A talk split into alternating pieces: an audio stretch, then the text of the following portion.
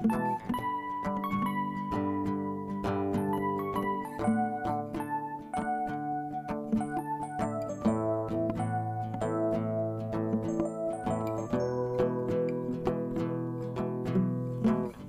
Bintama yang dikasihi Tuhan, saya, Hanson Huta Barat, Panitia Pasca GKI Bintama, akan membacakan renungan dari wasiat dengan tema Dibenarkan karena Iman.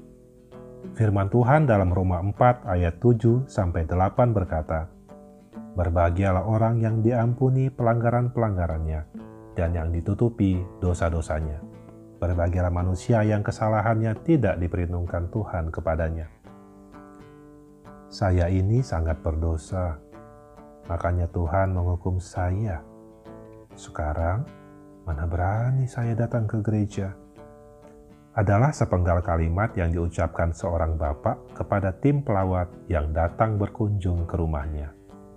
Dulu, ia adalah orang yang sangat giat melayani Tuhan. Tetapi, beberapa tahun terakhir ia tidak pernah lagi datang ke gereja karena ia melakukan kesalahan Meskipun ia sudah memperbaiki kesalahan itu, namun rasa bersalah terus membayanginya, membuatnya mundur dari pelayanan.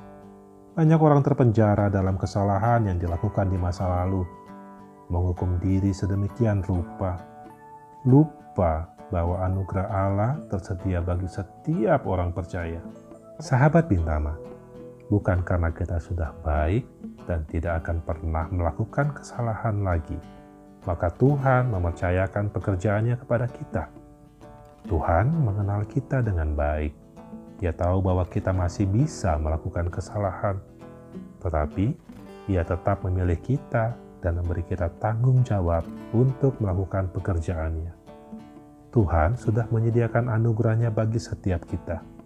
Jika kita sungguh mau mengakui dosa kita, maka Tuhan berkenan mengampuni pelanggaran dan dosa-dosa kita ia tidak lagi memperhitungkan kesalahan kita. Sahabat Bintama, anugerah Allah telah disediakan bagi setiap kita, tapi hanya bisa dialami oleh orang yang percaya.